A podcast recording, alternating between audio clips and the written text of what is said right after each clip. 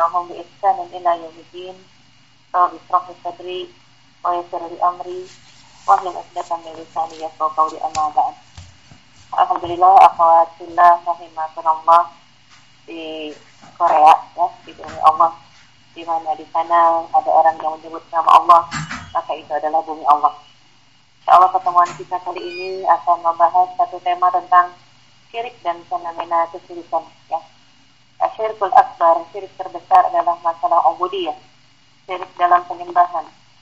Syirik dalam bentuk menyembah berhala, menyembah sesuatu yang diyakini memiliki kelebihan ya, atau keutamaan seperti pohon, kuburan, atau sosok seseorang entah itu yang kita sebut sebagai kiai, eyang, mbah, ataupun apa saja yang kita yakini mereka mempunyai kekuasaan ataupun keutamaan. Maka itu syirkul akbar. Tapi ternyata syirik-syirik yang lain arti dan syirik sendiri adalah syarakat ya menjadikan tandingan di sisi Allah Subhanahu wa taala. Syirik-syirik yang lain ternyata teramat sangat banyak ya bahkan bukan hanya masalah obodi yang bukan hanya masalah penyembahan tapi dari masalah istiqat ataupun keyakinan. Asar aita manittakhadha ilahahu hawahu tidakkah engkau lihat ada orang-orang yang menjadikan hawa nafsunya sebagai ilah sebagai Tuhan yang menjadikan tandingan di sisi Allah Tuhan lain sebagai Tuhan tandingan di antaranya ada hawa nafsu di antaranya ada benda. Tadi kalau yang terbesar adalah dalam penyembahan. Tapi ada yang kadang-kadang dalam keyakinan. Ya, bahkan uh, masalah yang sangat sepele mungkin di antara kita ketika kita meyakini yang menyembuhkan menyembuhkan kita adalah obat, yang menyembuhkan kita adalah dokter, itu pun sebenarnya sudah syirik. Oleh karena itu syirik saking halusnya, ya. Rasulullah SAW mengatakan ada syirik yang diumpamakan kadabi bin namlah, seperti semut hitam di atas batu hitam di tengah malam gelap gulita, di tengah padang pasir, siapa yang akan melihat? Tidak ada seorang pun yang melihat, kecuali hanya Allah Subhanahu wa Ta'ala yang mengetahui ada semut hitam di tengah malam gelap gulita, ya, di atas batu hitam dan, dan di tengah padang pasir. Hanya Allah yang tahu. Dalam artian syirik itu terkadang menyerang kita dalam bentuk yang sangat halus. Keinginan-keinginan untuk dipuji. Ya, itu namanya keinginan untuk dipuji sama ada dilihat oleh orang atau ria atau didengar oleh orang tentang keutamaan keutamaan kita atau dengan nama lain adalah sum'ah antara sum'ah ataupun ria sama itu syirkul aswar syirik kecil masalahnya ketika kita mengatakan dosa-dosa yang diampuni oleh Allah Subhanahu wa taala segala dosa selain yang berkaitan dengan syirik maka para salafus saleh para ulama ya itu semua khawatir sekali terhadap diri mereka jangan sampai lintasan-lintasan yang kecil-kecil begini juga masuk ke dalam syirik yang memang diperhitungkan oleh Allah Subhanahu wa taala. Sehingga kita lihat dalam surat Luqman ayat 13 betapa seorang ayah yang soleh mengingatkan putranya ya. Wa isqala Luqman li ibnihi ketika Luqman uh, berkata kepada putranya wa huwa ya'izuhu dan Luqman dalam kondisi menasehati putranya jadi kalau kita lihat ternyata nasihat-nasihat untuk jauh dari kesyirikan itu banyak sekali diberikan oleh para anbiya, para rasul kepada anak-anaknya. Jadi memang para nabi, para rasul mengingatkan anak-anaknya, putra-putranya. Di sini kalau kita lihat peranan wanita sangat sedikit. Ya, sedangkan kita tahu al-ummu madrasatul ula. Ibu adalah sekolah pertama. Tapi ternyata di atas ibu ada ayah.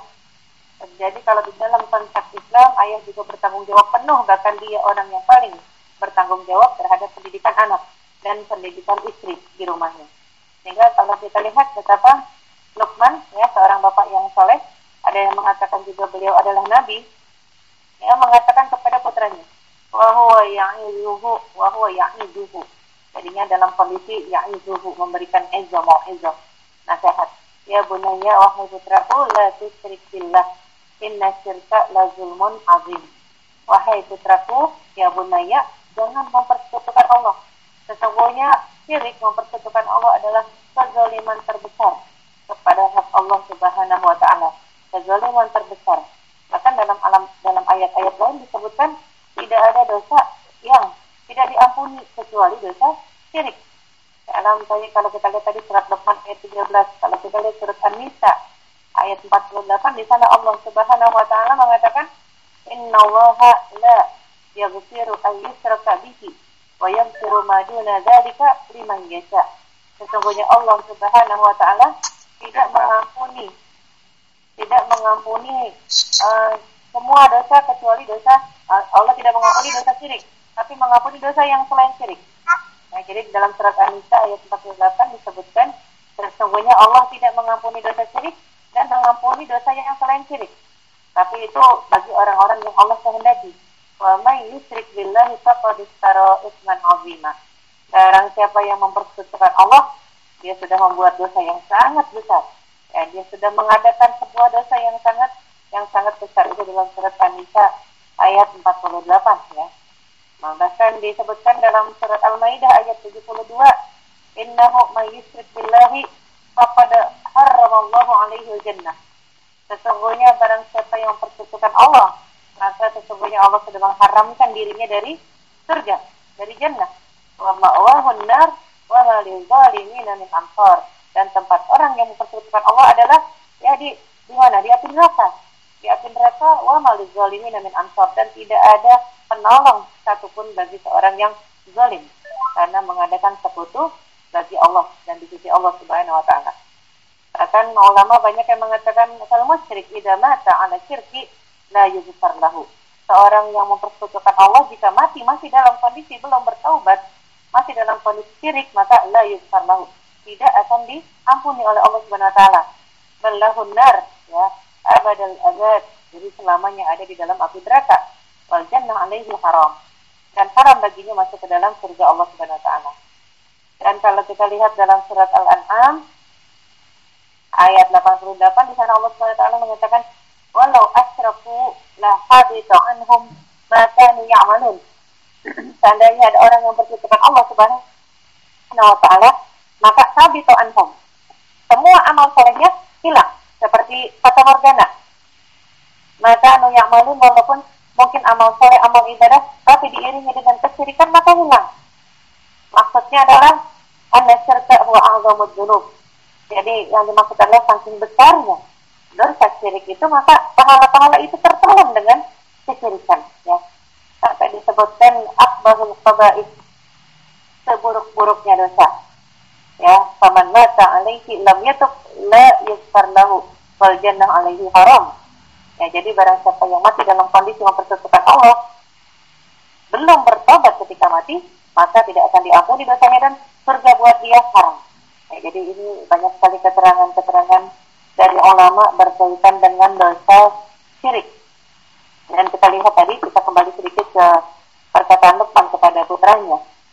Ketika Luqman mengatakan ya bunayya la tusyrik billah menandakan ini satu pesan bukan saja kita yang dilarang mempersekutukan Allah tapi juga kita pesankan itu kita sampaikan itu kepada kepada orang-orang tercinta kita orang-orang kita cintai orang-orang yang terdekat dengan kita putra putri kita orang tua kita ya pasangan kita istri suami bahkan mertua menantu semuanya kita ingatkan la tusyrik billah inna syirka la zulmun azim sesungguhnya syirik itu satu dosa yang sangat besar.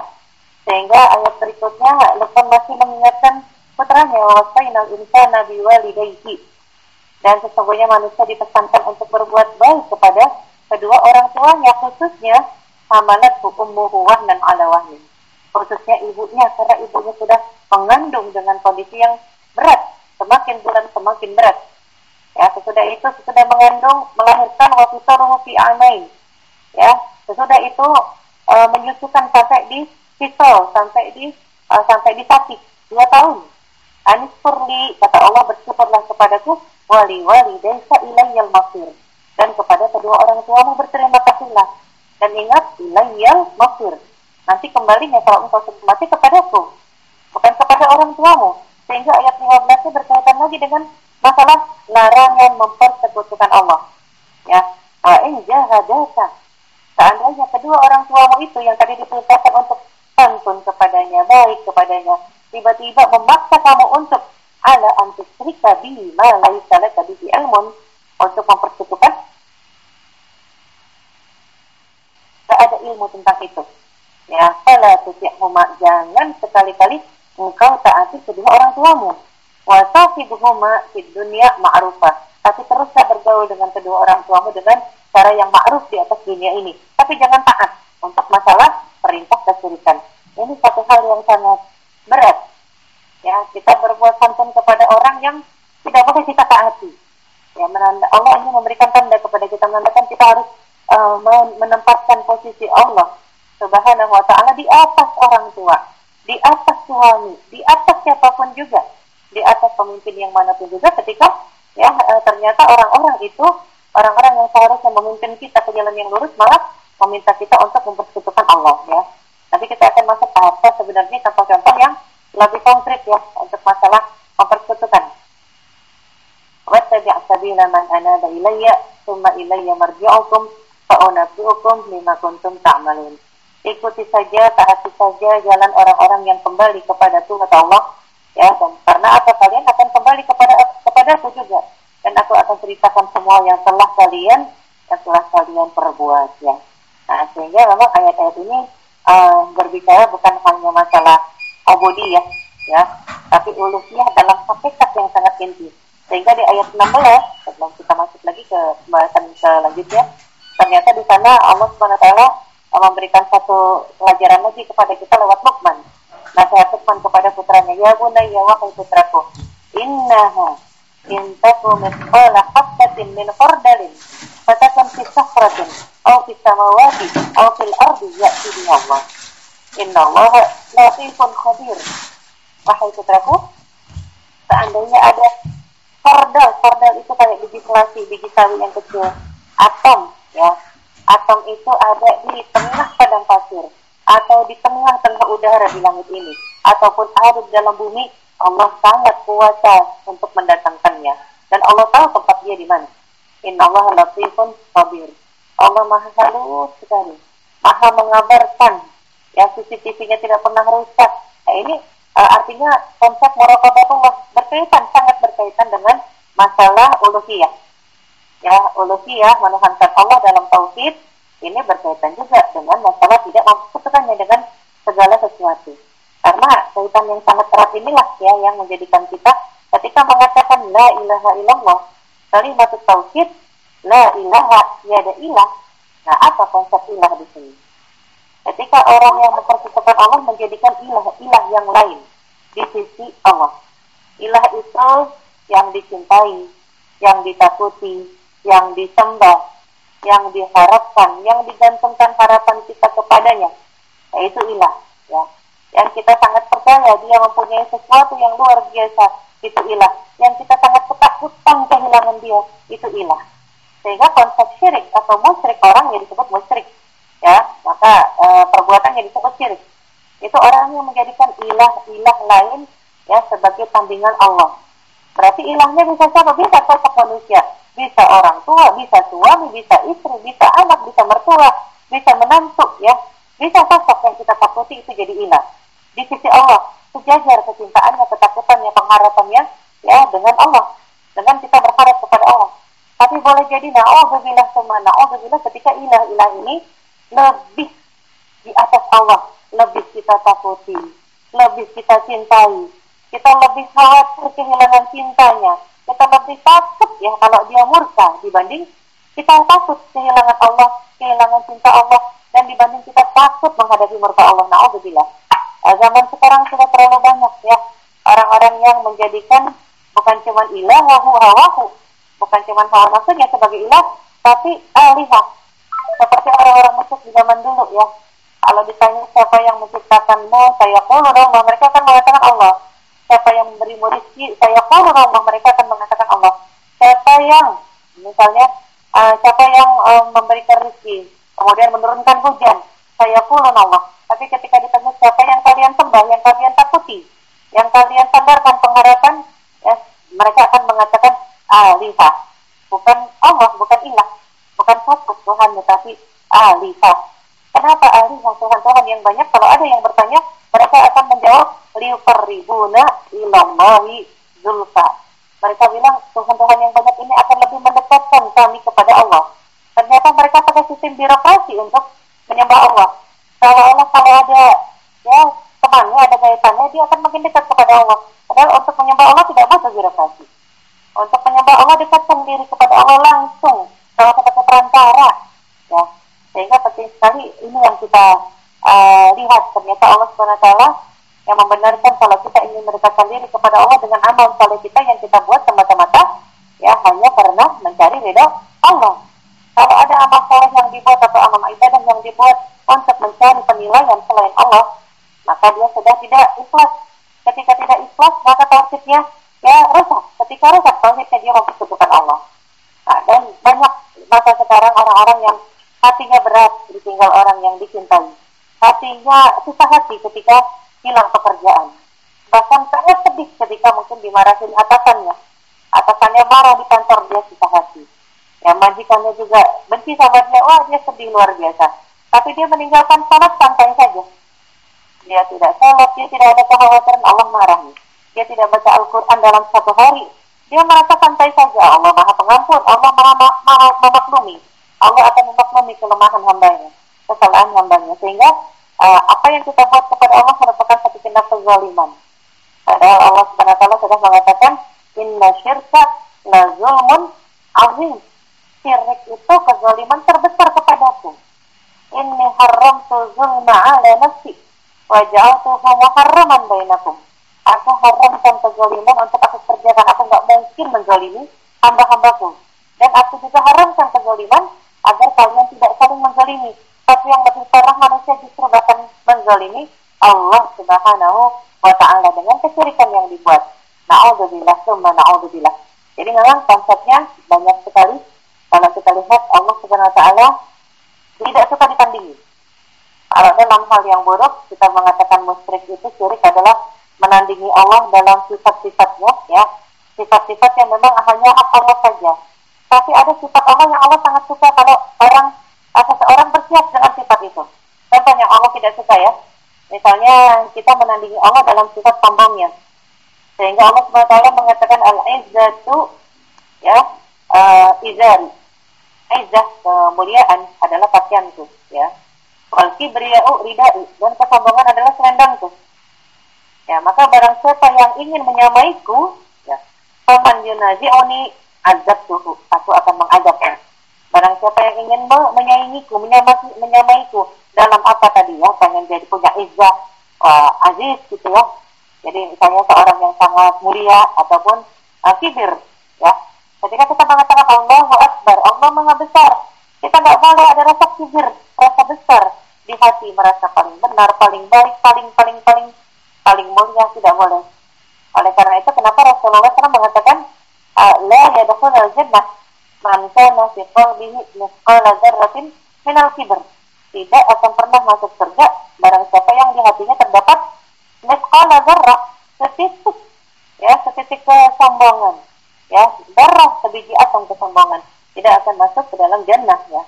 Sehingga itu ada sifat-sifat yang memang khusus buat Allah SWT tidak boleh disaingi. Tapi ada sifat lain yang Allah sangat suka kalau hambanya berhias dengan sifatnya itu. Seperti as-sabur. Ya, Allah maha penyabar. Allah sangat suka kalau hambanya sabar. Ya. Ar-Rahim. Allah sangat suka kalau hambanya juga rahim. Bahkan Allah SWT mengatakan, Man la yarham, la. Barang siapa yang tidak menyayangi, maka dia tidak akan disayangi oleh Allah SWT. Dan ketika kita menyamakan sifat ini, kita mengambil sifat Allah itu namanya bukan untuk Allah. Ya, tapi kita tidak boleh mengatakan ya, dalam keyakinan kita, oh orang itu seseorang yang kita sangat cintai, dia luar biasa penyayangnya. Tidak pernah ada makhluk yang lebih penyayang dibanding dia. Bahkan Allah pun kalah. Nah, itu yang tidak boleh. Ya. Artinya apa? Kita berkias dengan sifat-sifat yang memang Allah sukai, ya, tapi kita tidak boleh menganggap ada makhluk yang sama dengan Allah dalam sifat-sifatnya itu ya, lam yalid wa lam yulad wa lam yakun lahu kufuwan ahad. Allah SWT tidak melahirkan, tidak dilahirkan, dan tidak pernah ada satu makhluk pun yang kufu, yang sama ya dengan Allah Subhanahu wa taala. Artinya sifat-sifat kita ambil tapi jelas tidak pernah ada orang yang luar biasa sabarnya atau luar biasa rahimnya sehingga seperti Allah Subhanahu wa taala yang senantiasa memaafkan hamba-hambanya padahal sang hamba sudah betul-betul uh, menyakitinya dengan mengatakan Allah mempunyai anak. Allah mempunyai. Ya kadang-kadang sampai di beberapa ayat disebutkan tidak ada yang lebih penyabar. Itu dalam uh, per, uh, pengertian sebuah hadis ya. Mengartikan bahwasanya di ayat banyak sekali dijelaskan orang mengatakan Allah mempunyai anak Allah mempunyai pasangan. Bahkan ada yang mengatakan anak-anak Allah adalah malaikat-malaikat perempuan. Ya itu uh, hadis kutsi banyak mengatakan tidak ada yang lebih sabar dibanding Allah. Ya karena manusia menyakitinya tapi Allah selalu memaafkan hamba-hambanya. Ya sehingga ketika kita sebutkan ternyata Allah mengatakan ya kesombongan adalah selendangku keagungan adalah pakaianku barang siapa yang mencoba menyamaiku ya dari salah satu di antara tadi sifat-sifatku keagungan dan kesombongan, maka aku akan melemparkan orang itu ke dalam api neraka. Artinya ada sifat yang tidak boleh ditiru, tapi ada sifat yang harus ditiru. Walaupun tidak akan pernah kita samai, ya, dan kita tidak boleh mengatakan orang seseorang itu uh, menyamai Allah tidak boleh, tapi ada sifat yang Allah sangat suka kalau kita mengambil dari sifat-sifatnya yaitu rahim, ya, rahimnya kita, terus kemudian uh, kita pemaafnya, sabarnya, pemaafnya, dermawannya. Bahkan sangat jelas berkaitan dengan kedermawanan. Ketika ada seorang hamba yang suka memberi hamba yang lain, maka Allah Subhanahu wa taala akan lebih suka juga ya, akan lebih banyak memberi kepada hamba yang suka memberi. Karena Allah taala selalu membalas ya. Allah syakur, Allah sabur, Allah uh, maha berterima kasih. Ketika ada sang hamba yang sangat suka memaafkan, maka Allah pun akan lebih memaafkan si hamba. Ketika ada sang hamba yang sangat perhatian kepada sesamanya Allah akan lebih perhatian kepada si hamba Allah fi aunil abdi maka nal abdu fi auni akhihi Allah SWT akan senantiasa menolong seorang hamba yang hamba tadi senantiasa menolong sesamanya sesama muslim di atas dunia ini. Saudaranya ya kalau ada saudara hubungan darah ataupun saudara saudara keimanan ukhuwah Islamiyah. Sehingga memang Allah SWT sudah berjanji. Ya bahkan man satara musliman di dunia satara Allah di dunia wal akhirah. Barang siapa yang menutupi aib seorang muslim di dunia maka Allah akan menutupi aibnya di dunia dan di akhirat? Allah saking tidak suka disaingi bahkan untuk sifat baik Allah akan lebih baik ketika kita berbuat baik. Tapi kalau untuk sifat yang hak Allah langsung seperti sombong dan aziz ya mulia. Nah Allah tidak suka ada manusia yang besar itu sehingga sebenarnya tidak boleh mengatakan ini yang mulia ya atau yang sangat terhormat. Ya, ya, itu yang sebenarnya harus dibetulkan dari kata-kata kita ya apa boleh buat? Kadang-kadang kita terlontar karena sudah terjebak dengan uh, kondisi yang kita mengatakan seorang yang mulia yang terhormat yang maha besar sebenarnya tidak boleh ya. Karena itu hak Allah Subhanahu Wa Taala.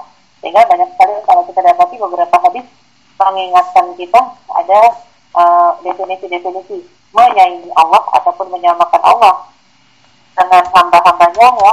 Sehingga ada sifat-sifatnya yang memang tidak boleh seperti al-muntaqimu yang maha membalas manusia tidak boleh punya sifat intiqam balas dendam. Karena itu hak Allah. Sudah manusia maafkan saja Allah akan memaafkan kita juga. Ketika kita suka memaafkan adapun orang itu nanti yang membalas Allah subhanahu wa ta'ala. Namanya kesyirikan di zaman sekarang masa ini banyaknya kalau kita lihat betapa manusia-manusia menjadikan idola-idolanya adalah manusia yang tidak lepas dari uh, sifat uh, alfa dan dosa. Kalau kita benar sudah Allah idola adalah pribadi Rasulullah Shallallahu Alaihi Wasallam. Ya, sehingga seorang Muslim cukup untuk uh, mengambil pribadi uswatun hasanah dari pribadi Rasulullah Shallallahu Alaihi Wasallam dalam surat Al-Ahzab ayat 20 kita diingatkan seperti itu. Laqad kana lakum fi Rasulillah uswatun hasanah. Kayaknya kita lebih menyukai tandingan-tandingan di sisi Allah. Allah memerintahkan itu, kita memerintahkan yang lain. Ah, tidak enak kalau uh, berkudua atau beruswah kalau mengidolakan Rasul. Kita yang lain saja. Sehingga mungkin banyak sekali kalau uh, orang-orang Indonesia di Indonesia di tanah air kita yang mengidolakan artis-artis Korea ya pada jelas kalau dilihat dari sisi iman jauh kecuali yang muslim tentunya ya dan dari sisi ahlak juga begitu jelas jauh ya eh, sedangkan Rasulullah SAW sudah uh, diminta oleh Allah untuk kita jadikan uswatun hasanah contoh teladan yang baik dari bangun tidur sampai tidur lagi tidak ada kemudian masalah kecintaan juga seperti itu. Ya, kita diperintahkan untuk mengikuti Rasulullah SAW sehingga mencintai Allah dengan cara yang benar. Oh, oh katakan inkun tempatnya pun Allah surat al Imran ayat 31 tabi'uni yahbibukumullah kalau kalian mencintai Allah ikuti aku ikuti Rasul. Maka misalnya cinta kalian akan berbalas kalian akan dicintai oleh Allah Subhanahu wa taala kita mengikuti apa generasi muda ya. Kalau kita lihat resahnya ujung-ujungnya memang karena tidak benar-benar tidak mengusung tauhid, tidak menjadikan Allah paling tinggi di hatinya, maka wajar resah, gelisah, galau, ya. Merana kehidupannya kenapa? Karena merasa seolah-olah di dunia ini hanya sendirian, padahal di tengah keramaian. Kenapa? Karena memang ada satu sisi yang hilang. Dia meninggalkan Allah sehingga Allah meninggalkan dia. Allah Subhanahu wa taala ini satu-satunya zat ya, ini satu-satunya al-khaliq ya la ilaha illa huwa yang pencipta yang tiada ilah selain dia yang kalau si hamba berjalan menujunya maka Allah akan lebih cepat Allah akan berlari nah, hamba baru selangkah Allah sudah beberapa langkah jadi kalau hamba menjauh selangkah Allah juga akan lebih menjauh cepat nah, makanya indikasinya adalah rasa al-ghurbah. Asyur bil-ghurbah. Rasa kesepian di hati. Rasanya nggak enak. Kadang-kadang nyesek dadanya ketika sudah mempersatukan Allah pertama rasanya kesepian padahal di tengah keramaian. Ini indikasinya. Ya berarti kalau kita ada rasa sesak tiba-tiba terasa sepi yes, langsung introspeksi diri. Ada satu dosa yang kita kerjakan mungkin kita tidak sadar. Dan teguran Allah adalah rasa sepi tadi yang kedua perasaan apa man yuridillahu an yahdiyahu yasrah sadarahu fil islam lil islam. Barang siapa yang Allah memberikan hidayah ya Allah uh, biarkan dia mendapat hidayah maka Allah jadikan hatinya lapang dengan apa? Dengan aturan-aturan Islam. Tapi, barang siapa yang Allah biarkan dia sesat wa yurid yudillahu yaj'al sadrahu dayiqan harajan ka'annama yas'adu fis sama. Allah akan biarkan dia merasakan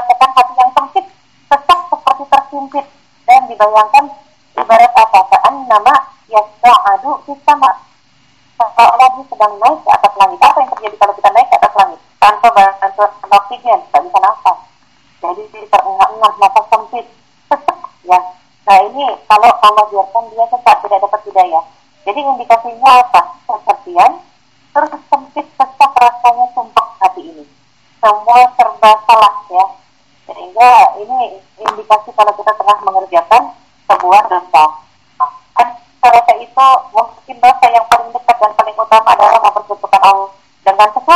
kita mungkin tidak kita sadari entah dengan, orang, entah dengan obat, entah dengan jabatan, entah dengan apa, dengan penampilan, entah dengan penilaian manusia, entah ingin didengar, ingin dipuji, ya, ingin dilihat, ya, pria dari konteks ingin dilihat, kalau sum'ah dari konteks ingin didengar. Tapi ujung-ujungnya semuanya adalah mempersekutukan Allah. Karena tidak menjadikan penilaian Allah di atas penilaian manusia. Tidak menjadikan apa ya uh, segala sesuatu yang penting Allah ridho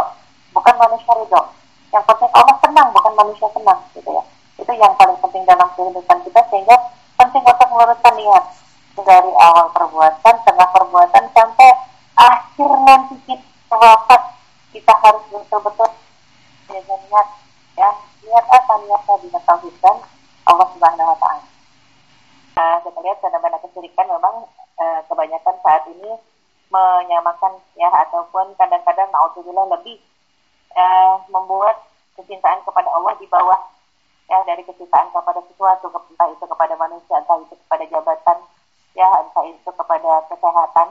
Ya ada orang yang sangat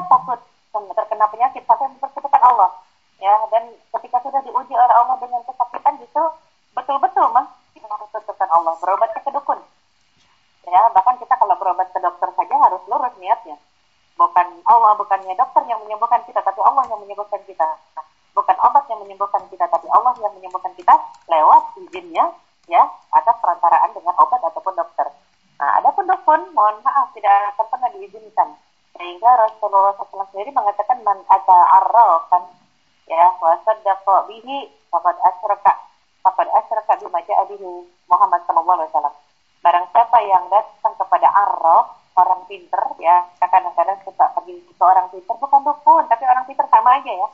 pinter dukun tukang sihir sama aja nah ini barang siapa yang datang dan percaya kata Rasulullah maka dia terhitung sudah musyrik sudah mempersekutukan dari yang Rasul bawa yaitu risalah Allah Subhanahu wa taala. Sehingga penting dalam masalah pengobatan saja sangat-sangat penting untuk menjaga tauhid dalam masalah pengobatan.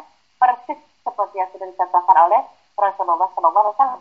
Ya, yang diperbolehkan yang mana? Mengobati, bukan meracuni, itu satu. Kedua, yang tidak bertolak belakang dengan konsep akidah. Penyakit disembuhkan, dihilangkan, bukan dipindahkan. Kadang-kadang kalau di Indonesia ada yang dipindahkan ke kambing, ke ayam, ke telur, ya. Ini juga semua konsep kesirikan. Atau menggantungkan jimat. Ya, entah itu di tangan anak kecil, anak bayi, atau di lehernya, kain hitam, ya. Itu dengan tangkal, ataupun di rumah-rumah dipasang jimat, walaupun tulisannya pakai huruf Arab. Ataupun ayat Al-Quran. Al-Quran itu ayat Quran, bacaan, bukan gantungan, bukan pajangan. Jadi memang penting sekali akhirnya mempersekutukan Allah dengan sesuatu yang kita anggap dia bisa kita itu sudah mempersekutukan Allah. Sehingga uh, harus jelas konsepnya ketika kita mengatakan dalam konsep pengobatan, dalam konsep ikhtiar, dalam konsep apa lagi kerja ya ataupun team building tetap harus tidak boleh keluar dari konsep uluhiyah mentauhidkan Allah Subhanahu wa taala. Manusia silakan berikhtiar, silakan mempunyai rencana, tapi ternyata ya rencana Allah di atas segalanya. Dan kuasa Allah di atas segalanya. Inna Allah ala kulli syai'in qadir. Gak boleh mengatakan kalau planning kita sudah matang, pasti kita sukses. Oh, nggak ada kata pasti dalam kamus manusia. Ya, tapi kalau dalam kamus Allah, boleh jadi ada pasti. Dan pasti ada pasti kalau dalam kamus Allah. Boleh pasti gagal, boleh pasti sukses. Ya, itu terserah Allah. Ya. Wallahu ala kulli qadir. Tapi kalau manusia, semuanya tergantung Allah. Jadi, tidak ada kepastian. Manusia hanya diperintahkan ikhtiar. Hasil akhir itu urusan Allah. Dari ikhtiar itulah manusia mendapatkan pahala, bukan dari hasil. Ya, jadi ternyata kita hanya diperintahkan untuk optimal dan maksimal dalam berikhtiar. Ya, itu satu uh, gambaran betapa pentingnya untuk kita sadari uh, ternyata Allah Subhanahu Wa Taala memberikan kita kesempatan untuk berpikir. Karena Allah memberikan kita bekalan yaitu akal. Akal kita untuk dengan berpikir dengan cara yang lurus. Dan kita bisa mentamsif kita bisa menyaring mana yang dibolehkan oleh syariat dan mana yang tidak dibolehkan.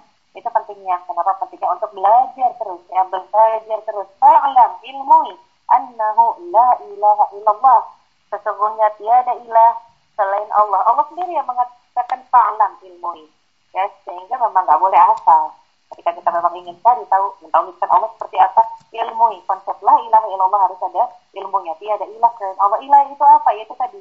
Yang dicintai yang disembah yang ditakuti yang dijadikan tempat bergantung. Padahal sering kita membaca Allah samad. Allah tempat bergantung. Ya Allah ahad itu kan surat al-ikhlas kan surat yang paling sering kita baca nah, tetapi ternyata dalam prakteknya keseharian tempat bergantung kita bukan hanya Allah. Ada Allah ada orang ya. Ada orang tua, ada suami, ada mungkin ada atasan, ada dan sesuatu, apalagi kalau bergantung kepada jimat sesuatu, nah bilang itu udah ciri besar.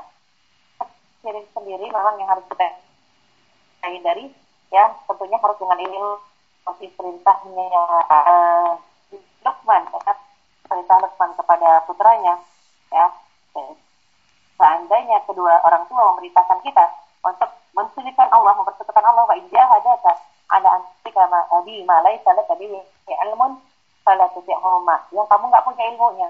Jadi jangan coba-coba gitu ya. Ketika kita nggak tahu landasannya dulu seperti apa Rasul? Jangan kerjakan. Apalagi kalau ada yang mengatakan ini nenek moyang begini oh mohon maaf. Nenek moyang bertolak belakang dengan syariat nenek moyang kalah. Harus syariat yang nomor satu ya. Jadi itu sekilas tentang konsep uh, menghindar menghindari diri kita dari keluarga kita dari kesyirikan yang ada di tengah-tengah masyarakat kita. Allah alam bisawab kita masuk ke dalam uh, tanya jawab insya Allah. Oke baik terima kasih Ustaz Erika uh, atas penyampaian materinya gitu kan bagaimana tadi uh, mulai dari sifat-sifat Allah ya bagaimana ada sifat-sifat yang Allah suka gitu kan kalau kita ikuti namun juga ada sifat-sifat di mana uh, Allah benci gitu kan untuk kita ikuti gitu kan meskipun seperti yang Ustaz tadi bilang kita tidak akan mungkin ya bisa menyamai uh, rahimnya Allah atau rahmannya Allah gitu kan.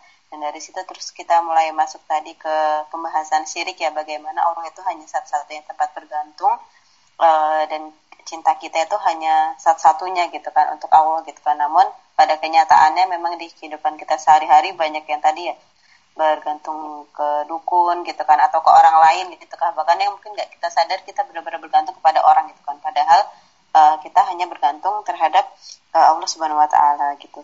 Nah baik selanjutnya adalah sesi tanya jawab uh, dipersilahkan uh, kepada Mbak Mbak yang ingin bertanya gitu kan tentang punya uh, tentang materi yang disampaikan oleh, oleh Ustazah Erika bisa diketik atau bisa langsung ngomong gitu.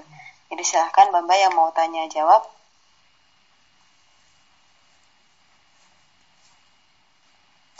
Ini ada Mbak Bella sedang mengetik.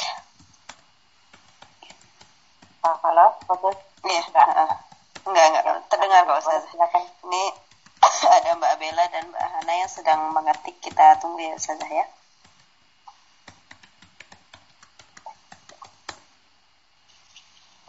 Ya, sudah tunggu.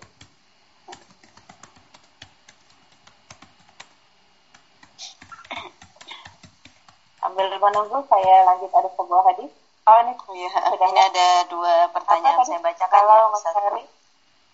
Uh, jadi yang pertama ya uh, dari Mbak Bella, bagaimana ya, agar di, ya, bagaimana agar diri tidak merasa riak saat mendapat pujian dari orang ustazah? Ya, bagaimana diri tidak merasa riak ya atau merasa ya, bangga ya. mungkin maksudnya ya? Iya. Tidak merasa bangga ya ketika dapat pujian dari orang. Jadi kan porsi pujian tadi kepada Allah ya. Kalau dipuji, masya Allah, Alhamdulillah. Ada kalimat Masya Allah, kuat illa billah.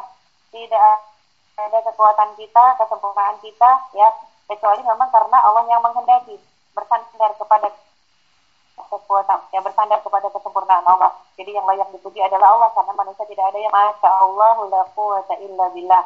Justru uh, menghadapi pujian harus lebih uh, refleks mengucap Masya Allah. Kenapa? Ada kalanya kita mungkin belum baca Al-Ma'ah surat pagi petang.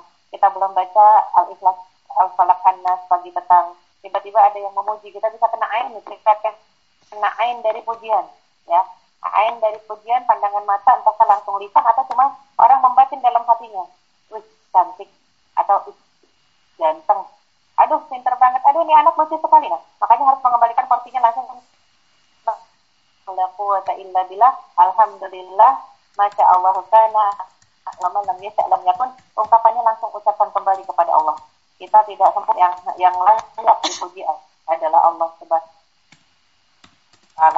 ya tadi orang yang muji nggak mengucapkan masya Allah. Nah jadi kita bisa dari puji ya dan Rasul sedang mengatakan al ainu ak la qadar la sabaqahu ain. Ain itu dari pandangan mata kan orang memuji itu kalau udah lihat ya. Karena melihat dia memuji. Karena dia yang melihat ada sesuatu yang layak puji maka dia memuji. Maka kembalikan kepada Allah masya Allah ini kehendak Allah nah justru kalau kita melihat yang buruk kalau di Indonesia kadang kebalik yang bagus subhanallah yang buruk masya Allah harusnya yang bagus masya Allah yang buruk bahaya maha suci Allah kalau yang kita lihat sesuatu yang buruk ya sehingga dengan mengucap kalimat itu insya Allah otomatis kita ingat ya masya Allah ini kehendak Allah Inna lucu, gemuk, cakep, pinter, ya bukan karena ibunya yang bisa membentuk dia seperti ini, bukan. tapi karena kehendak Allah juga. Sering kerap kali anak-anak kecil kita uh, sering sakit ya, karena sering dipuji orang, karena ibunya tidak membacakan doa, yang muji juga nggak bilang masya Allah, maka akhirnya dia kena mudarat dari angin dari pandang.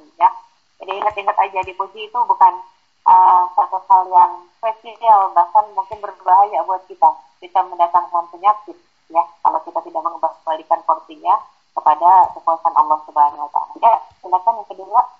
Baik. Yang penting dikembalikan ke Allah lagi ya Ustazah ya. Iya. Ya, oke, ya, begitu ya Mbak Bella ya. Uh, baik, ini uh, pertanyaan kedua dari Mbak Hana. Untuk kalau misalkan mencari hari atau tanggal baik untuk menyelenggarakan hajat, apakah termasuk syirik juga Ustazah? Karena ini kan kita sering ya di masyarakat cari tanggal baik, cari hari baik kayak gitu. Nah itu gimana Ustaz? Ya, jadi semua hari di dalam Islam baik ya. Semua hari di dalam Islam baik, jadi tidak ada hari naas, hari siang, hari buruk, nggak ada semuanya baik. Tapi di antara yang baik-baik ada Sayyidul Ayyam, ada hari yang paling baik di antara yang semuanya baik. Ya. semua-muanya kan memang cuma tujuh hari ya. Senin, Selasa, Rabu, Kamis, Jumat, Sabtu, Ahad, cuma itu. Ya, tapi di antara Senin sampai Ahad ini, itu ada sebenarnya itu bukan dari Senin, mulainya dari Ahad pertama ya. Dari Ahad sampai Sabtu ini, yang terbaik sekali, ini semua baik. Sayyidul Ayam, hari raya yang umat Islam pekanan adalah hari Jumat. Ya, ya. Jadi kalau kita misalnya, aduh mau musafir Jumat, mangga silakan atau aduh saya pengen buat hajatan Jumat, pengen akad nikah Jumat silakan. Hmm. Karena Sayyidul Ayam. Tapi bukan berarti hari yang lain buruk tidak, semua hari baik. Nah, kalau berdasarkan primbon itu bukan dari Islam tuh nenek moyang ya, yang memang nenek moyang kita adalah orang bukan orang pelaut ya, orang Hindu Buddha.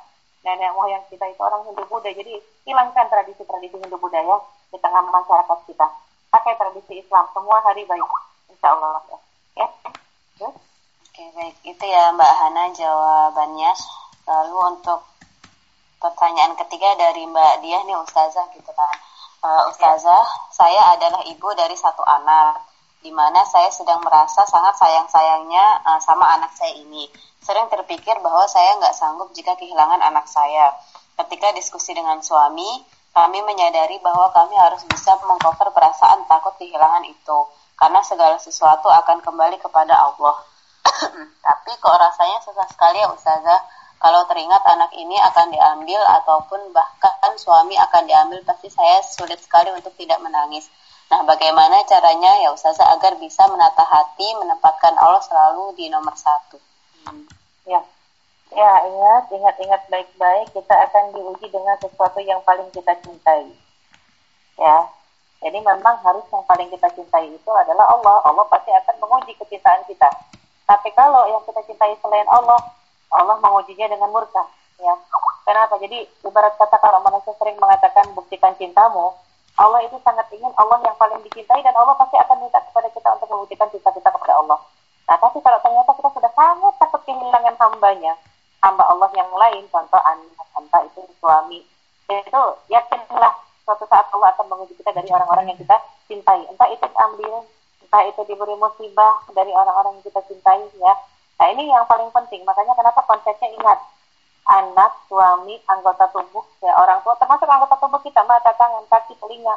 Ini semua kan titipan ya. Anak, suami, orang tua, itu juga titipan, bukan milik kita, cuma dititipkan.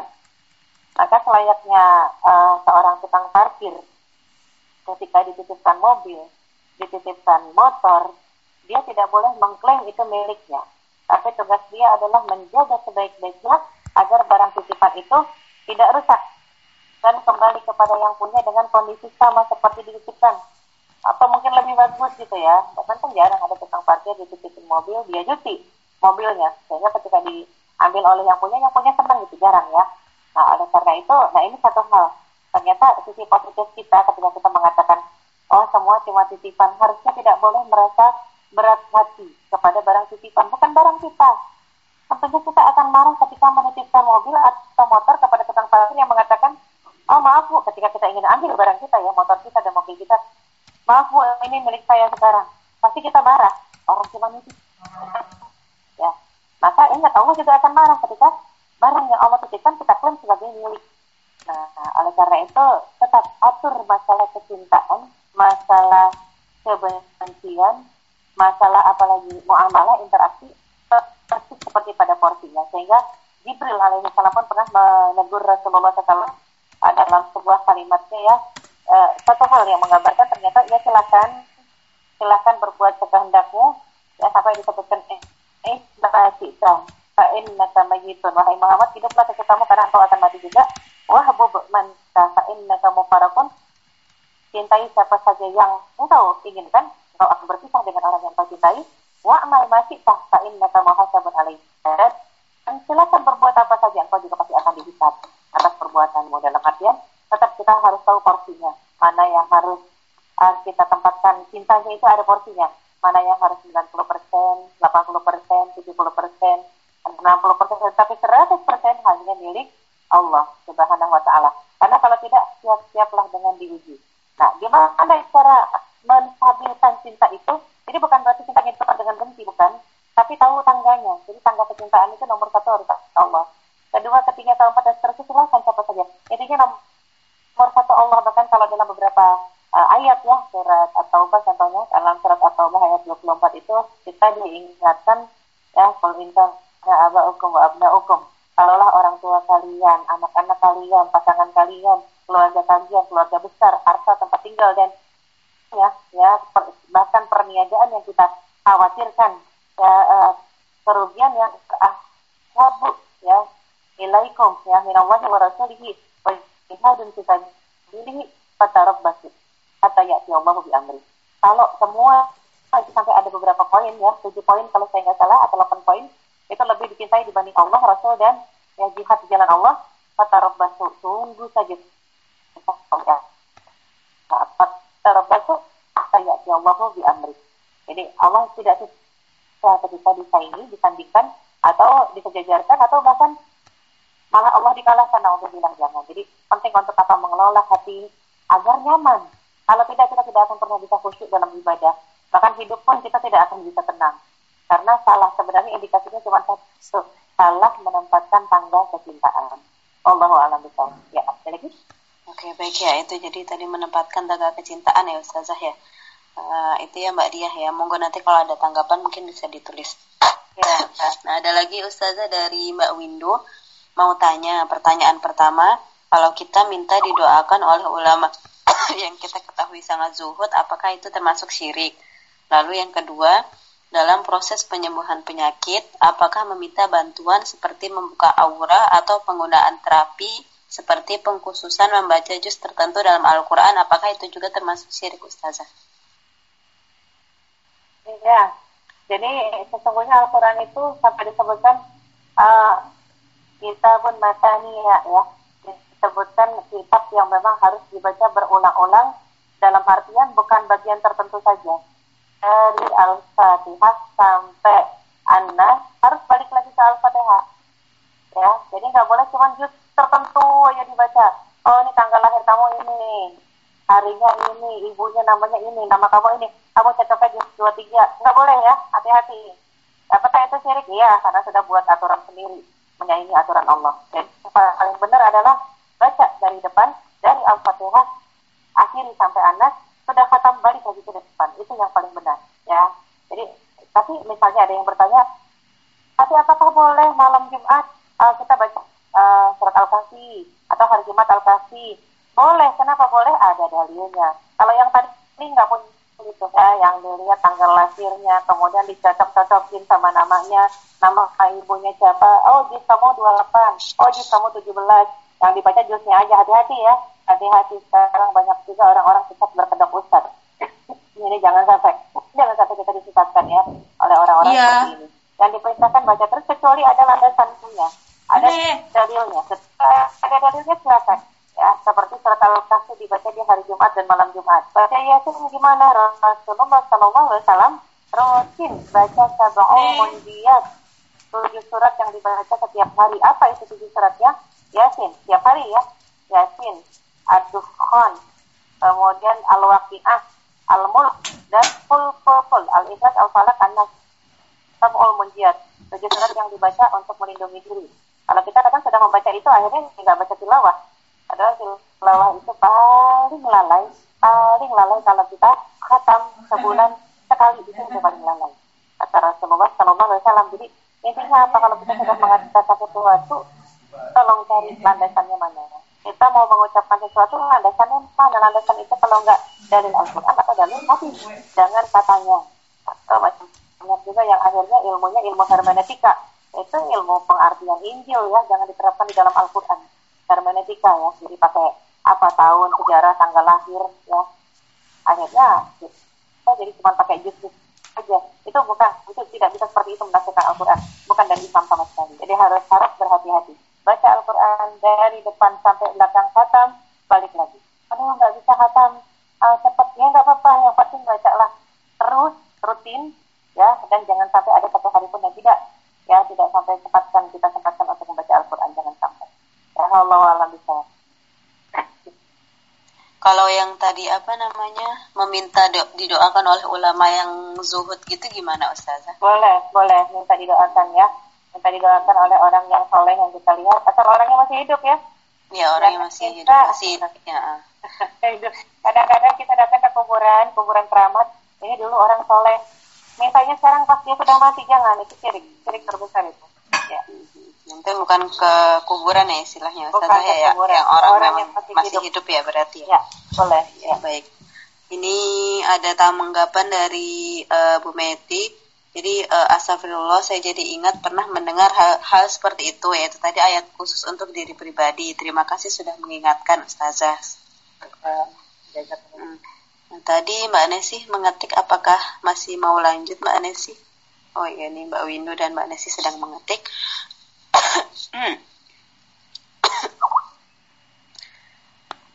Jazakil khairan Ustazah dari Mbak Windu. Ya, ya. Tunggu, masih ada Mbak Nasi yang mengetik.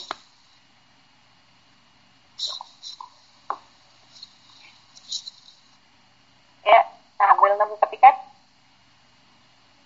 Ada Oh iya, ini ada tanggapan dari Mbak Windu Ustazah. Jadi termasuk pengkhususan zikir pun nggak boleh ya Ustazah?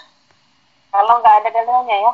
Kalau ada dalilnya contoh, uh, sesudah sholat kan kita biasa membaca subhanallah walhamdulillah Allahu Akbar. Itu ada dalilnya. 33 33 33 dan Rasulullah SAW setiap hari uh, beristighfar lebih dari 70 kali atau lebih dari satu kali.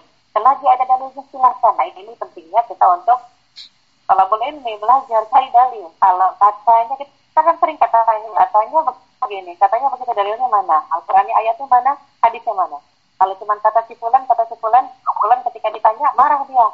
Pokoknya ini udah katanya, nggak boleh nanya lagi. Nah itu yang salah. Harusnya harus jelas hadisnya, dalilnya, ayatnya ya. Jadi kalau misalnya zikir-zikir tertentu yang kalau memang ada dalilnya silakan seperti yang 33, 30, 33 ada, istighfar ada. Yang nggak ada tuh yang biasanya yang ribuan kali ya, itu nggak ada biasanya. Hmm, ya, ya, ya. Oke, seperti itu yang penting ada dalilnya Ustazah ya. Oke, ya. baik. Ini selanjutnya ada pertanyaan lagi dari Mbak Sita. Kalau kita sudah membaca Al-Maksurat, apakah itu sudah termasuk membaca Al-Quran, Ustazah?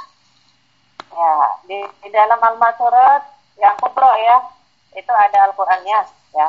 Tapi apakah masuk uh, sudah membaca Al-Quran? Iya, tapi sedikit sekali. Sangat, sangat, sangat sedikit. Karena perintahnya kan sebenarnya paling lalai, kita sudah terhitung lalai ketika uh, uh, hitam satu bulan satu kali kata Rasulullah. Berarti satu hari paling tidak ada satu juz yang dibaca. Ya, paling tidak upayakan. Kalau memang nggak bisa banget, sibuknya luar biasa, oke okay lah, satu lembar atau satu halaman. Tapi kalau dalam al-masyarakat itu sangat sedikit ya, itu kan adanya juga full full full ujung akhir al-baqarah ayat kursi ya, jadi memang sangat sedikit. Masih kurang, tapi uh, ada kalanya kalau kita ternyata berjumpa dengan orang yang memang kesibukannya luar biasa, Ya, Alhamdulillah kalau sudah bisa membaca Al-Quran lewat amal surat pagi petang ya. Cuman ini untuk kondisi yang luar biasa ya. Karena kan kita selalu ingin dianggap uh, dan dimaklumi sebagai orang yang sangat sibuk dan sangat minta dimaklumi oleh Allah Subhanahu taala. Alhamdulillah Allah Maha Pengampun, penyayang ya. Cuman sayang kalau kita sendiri memasukkan taraf kita untuk orang-orang yang bisa dimaklumi dengan segala kesibukannya. Karena seharusnya yang normalnya kalau kita lihat ayat, wa betabi lima atakallahu darul akhirah.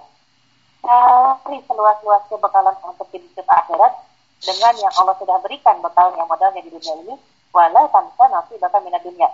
Dan sekedar jangan lupa untuk hidup dunia.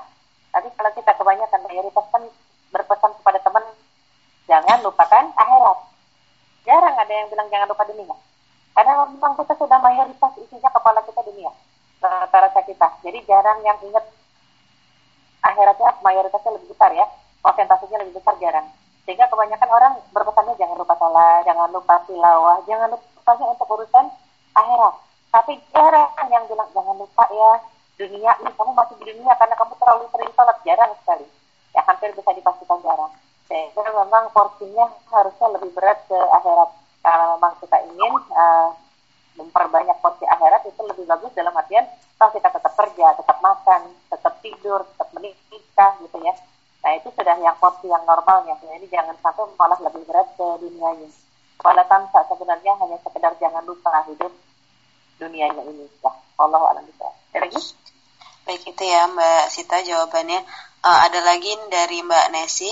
Jadi mau tanya yang Quran surat Luqman ayat 15 yaitu yang tentang ya. berbuat baik ke orang tua yang berbuat syirik itu seperti apa ya Ustazah? Misalnya anak uh, seorang anak mau menikah dalam walimahnya, orang tua pakai hitung-hitungan semacam itu.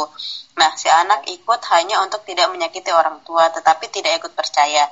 Apakah si anak termasuk pelaku syirik, Ustazah? Ya, nah, artinya kalau kita kan kita yakinnya semua hari baik. Oke, artinya mengikuti hari yang dipilihkan orang tua, nggak apa-apa. Tapi jangan punya keyakinan itu satu. Yang kedua, jangan juga uh, diam saja. Ada yang ada kalanya tidak menasihati orang tua. Ah sudahlah, udah tua ini. Eh, jangan kasihan orang tua kita kalau mau kesudukan Allah. Jangan sampai kita di akhirat kita masuk surga kita lihat mereka sedang disiksa di neraka itu satu satu pemandangan yang sangat tidak mengenakan. Ya, sehingga tetap harus ada apa, kepedulian kita. Ada orang tua salah nih, luruskan. Oke okay lah kita ambil harinya. Kalau kata orang tua bagusnya Rabu pahing, oke okay lah kalau karena kita yakin semua hari baik.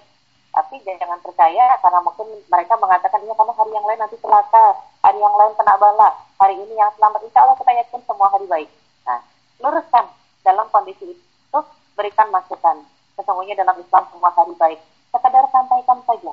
Karena tugas kita adalah menyampaikan, bukan memaksa orang untuk uh, mengikuti kita. Tapi sampaikan. Kewajiban kita adalah menyampaikan. Ya, Allah Oke, baik itu ya Mbak Nesi ya. Uh, ini Mbak Nesi sedang mengetik mungkin tanggapan. Mungkin yang terakhir ya dari Mbak Nesi ya. Tadi sudah banyak pertanyaan dan di sini juga sudah mendekati jam 10 malam. Mungkin tanggapan dari Mbak Nesi untuk uh, yang terakhir gitu. Setelah itu kita bisa mengakhiri talim saya pada malam hari ini. Jadi kita tunggu ya Ustazah ya dari Mbak Nesi. Ya, kita tunggu. Oh ya, ada pertanyaan titipan Ustazah di luar tema. Enggak. Kalau kita sodako ingin dapat pahala, pahalanya dibagi-bagi untuk yang lain, bolehkah? Sepertinya masih ada lanjutannya Ustazah. Ah ya. Kalau sedekah kalau sedekah ingin dapat pahala, pahalanya dibagi-bagi untuk yang lain apakah boleh? Oh, maksudnya begini kali ya. Kita bersedekah atas nama orang yang sudah meninggal ya atau misalnya kita oh. lihat untuk uh, anak kita supaya jadi soleh itu ibarat kata kita mengartikan pahala dibagi-bagi begitu ya? Ya. iya ya, seperti ya, itu. ya, pahala dibagi-bagi. Ya Allah Allah yudha'ifu liman yasha. Allah itu melipat gandakan jadi jangan khawatir. Silahkan kita niatkan ini sedekah untuk seratus orang seribu orang. Ya itu Allah melipat gandakan sesuai dengan pahala kita sesuai dengan keikhlasan kita. Ada kalanya kita ada kirim bacaan salat kita atau kirim sedekah kita untuk almarhum orang tua kita misalnya. Itu kita dapat pahala kita dapat pahala atau kita sedekah agar anak kita soleh misalnya itu kita dapat pahala anak kita juga dapat pahala. Ya. Artinya Allah melipat gandakan dengan apa yang diberikan kepada kita Allah mengislah memperbaiki sesuai dengan niat kita. Jadi tidak ada yang berkurang sama sekali. Ya sama sekali Allah yang lipat gandakan itu. Itu bukan istilah bagi-bagi ya sarang sedikit bukan tapi dilipat gandakan berarti dilipat gandakan ya Ustazah ya. Intinya ya. bukan bukan berarti kita sodakoh apa buat orang lain tapi orang lain yang dapat kita enggak gitu. Bukan ya Ustazah berarti ya? bukan seperti itu. Kecuali sedekah kita untuk menggantikan uh, hutang ya. Hmm, kita bersedekah yeah. kita udah lama nih gak ketemu sama orang yang bersangkutan. Kita punya hutang sama dia anggaplah satu juta. Gimana caranya? Udah nggak ketemu lagi dicari keluarganya nggak dapet. Itu mau nggak mau kita bersedekah atas nama orang yang kita punya hutang itu kepada orang lain. Nah itu bukan buat kita tuh pahalanya, bukan buat orang tersebut. Nah, nanti di akhirat kalau ditagih hutangnya, kata Allah sudah diganti dengan pahala. Nah, karena kita bersedekah atas nama dia.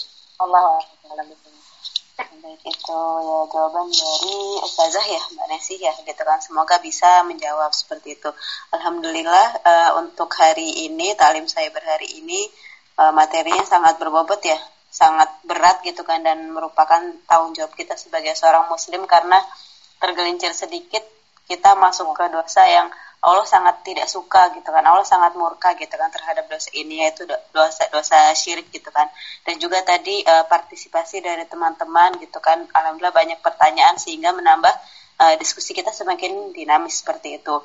Baik uh, kini kita sampai pada penutupan gitu terima kasih kepada ustazah yang sudah uh, membersamai ya ini untuk yang kedua kalinya ya Ustazah ya Ya, Iya, mungkin kedua kalinya. Uh, iya, insya Allah nanti diundang lagi ya Ustazah ya pada kesempatan yang lain. Insya Allah, insya Allah. Ya, amin. Baik, kita tutup ya gitu kan dengan mengucap lafaz hamdalah. Ya. Dan doa kafaratul majelis. Subhanakallahumma wa bihamdika asyhadu an la ilaha illa anta astaghfiruka wa atubu ilaik.